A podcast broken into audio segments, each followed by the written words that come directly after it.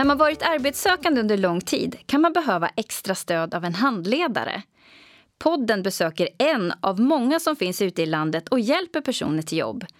Sofiane Massoud, välkommen! Tack så mycket och välkomna till Katrineholm. Vad gör ni för någonting? Ja, vi, vi är en kompletterande aktör till Arbetsförmedlingen och eh, vårt, eh, vi jobbar med att eh, coacha våra deltagare eh, till jobbstudier. Så det är vårt primära mål och det är det vi fokuserar på.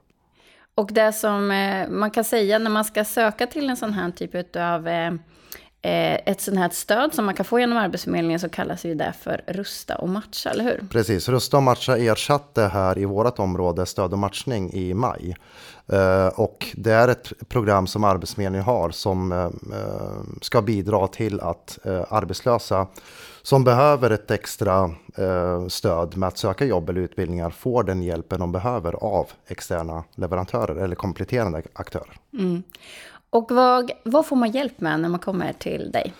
Man får hjälp med ganska mycket. Ehm, det kan vara ansökningshandlingar, eh, uppdatera eller skapa ett CV, skapa riktade personliga brev, kontakter med arbetsgivare, hitta en, en bra praktikplats, ehm, vägledning kring studier och jobb, eh, motiveringssamtal, coachingsamtal med mera.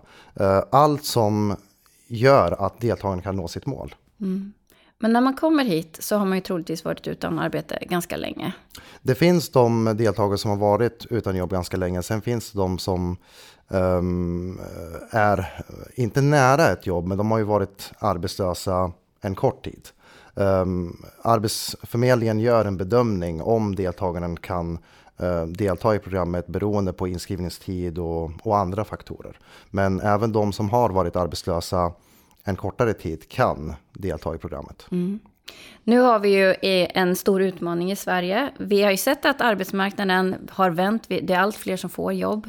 Men man har också sett den här långtidsarbetslösheten ökar. Mm. Eh, och nu har man ju tänkt att man ska öka också insatserna för arbetssökande som har varit utan arbete en längre period. Mm. Vilket innebär då att kompletterande aktörer som ni eh, kommer att också få flera deltagare, förhoppningsvis få fel, fler eh, deltagare. Framför allt att komma ut i jobb. Hur jobbar man med personer som kanske då har varit utan arbete så länge? För det, mm. det är mycket som händer i ens liv under den tiden. Precis. Um, man gör ju en, först och främst på startmötet en kartläggning och ser Eh, man går igenom ansökningshandlingar, man går igenom hur personen söker jobb.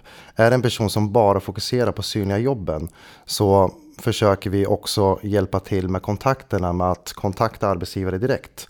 Eh, vi går igenom också eh, om deltagaren har behov av en praktik eller fortsätter sina studier på SFI eller grundskola för att öka sina chanser att få jobb. Men jag har ju märkt i alla fall de senaste fem åren att de flesta som vi har fått ut i jobb har varit långtidsarbetslösa, nyanlända, eh, deltagare som har haft svårt att få ett jobb. Och ibland räcker det med att man ringer till en eh, arbetsgivare och eh, presenterar en deltagare och det resulterar i jobb. Så det, egentligen är det ganska enkelt i de flesta fallen. Bara man har viljan att komma ut i arbete så är det ingenting som är svårt. Men vad är det då som saknas hos de här personerna? Jag tänker att många känner igen sig i den här situationen. Jag har varit utan arbete länge, ja. men jag behöver ha hjälp. Vad är det man behöver ha hjälp med? Du säger att det är lätt här helt ja, plötsligt. Ja. Alltså, det man behöver hjälp med är ju, man måste ju känna först och främst att eh, det är inte svårt att få jobb. Eh, man behöver stöd i att söka de jobben som man kan få. Många har ju sökt jobb som eh, det är stor konkurrens om de jobben eller att man inte uppfyller villkoren.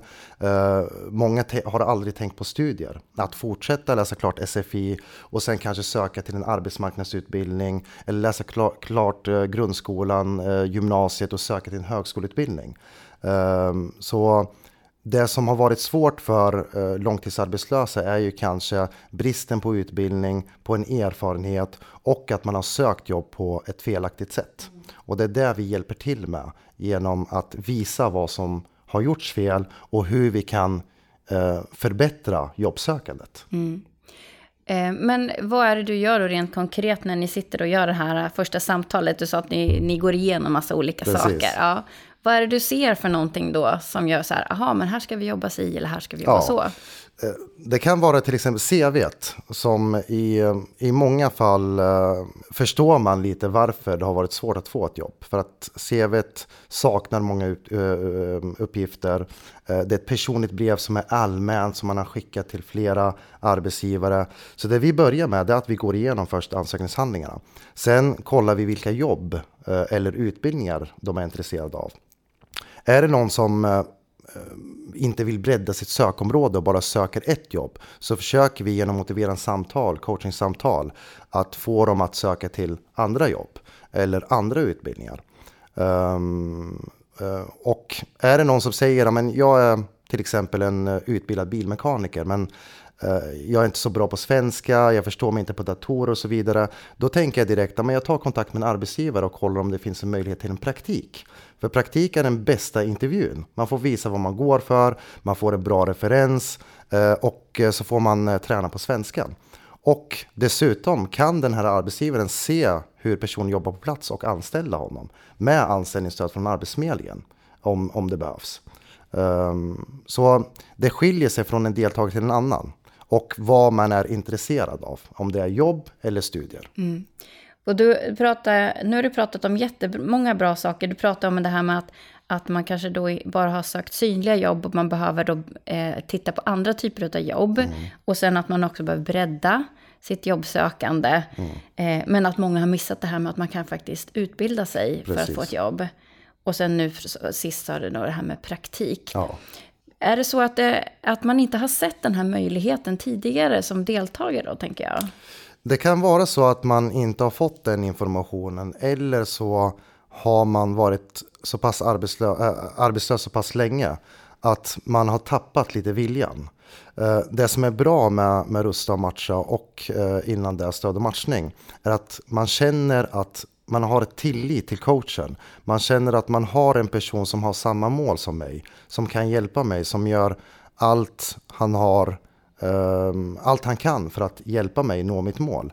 Um, och um, det är bara fantastiskt ibland att se att någon som kommer hit och ibland uh, är uh, helt hopplös. Alltså det, jag kommer inte att få ett jobb. Och sen efter kanske en vecka har man fått jobb och så är det så här tack och ett stort leende. Och, uh, det, det, är fantastiskt att se. Och ibland kan det ta några månader men med, med vilja, med drivet så når man sitt mål. Mm. Oavsett vad man har för bakgrund eller för erfarenheter.